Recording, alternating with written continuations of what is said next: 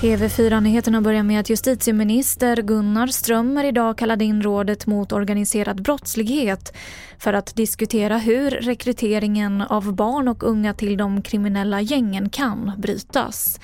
Den senaste tiden har flera grova våldsbrott inträffat där barn varit både förövare och offer. Vi hör justitieminister Gunnar Strömmer. Två viktiga insikter kom fram. Det ena är att vi talar om som sagt en brottslighet som inte kan jämföras med annan ungdomsbrottslighet. Och det andra är att eh, eh, en slutsats av det är att man också måste jobba på ett helt annat sätt för att kunna bryta just de mönstren. Den andra saken vi diskuterade var en ny modell för samverkan mellan den lokala och regionala nationella nivån. Vi diskuterade detaljer i ett förslag från polisen, Socialstyrelsen och eh, SIS. Eh, de kommer nu att arbeta färdigt med det och presentera det inom en till två veckor. Fyra män som i tingsrätten dömdes till livstidsfängelse för mord på en 47-årig man i Huddinge utanför Stockholm friades idag av Svea hovrätt.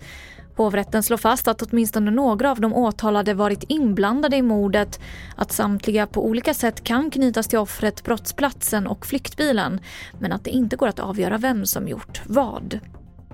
Och miljöpartisten Per Gahrton är död. Han var med och grundade partiet och var också ett av de första språkrören. Han avled på sjukhus natten till idag och blev 80 år gammal. Det var det senaste från TV4 Nyheterna. Jag heter Emily Olsson.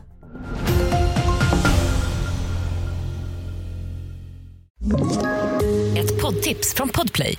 I podden Något Kaiko garanterar östgötarna Brutti och jag, Davva, dig en stor dos skratt.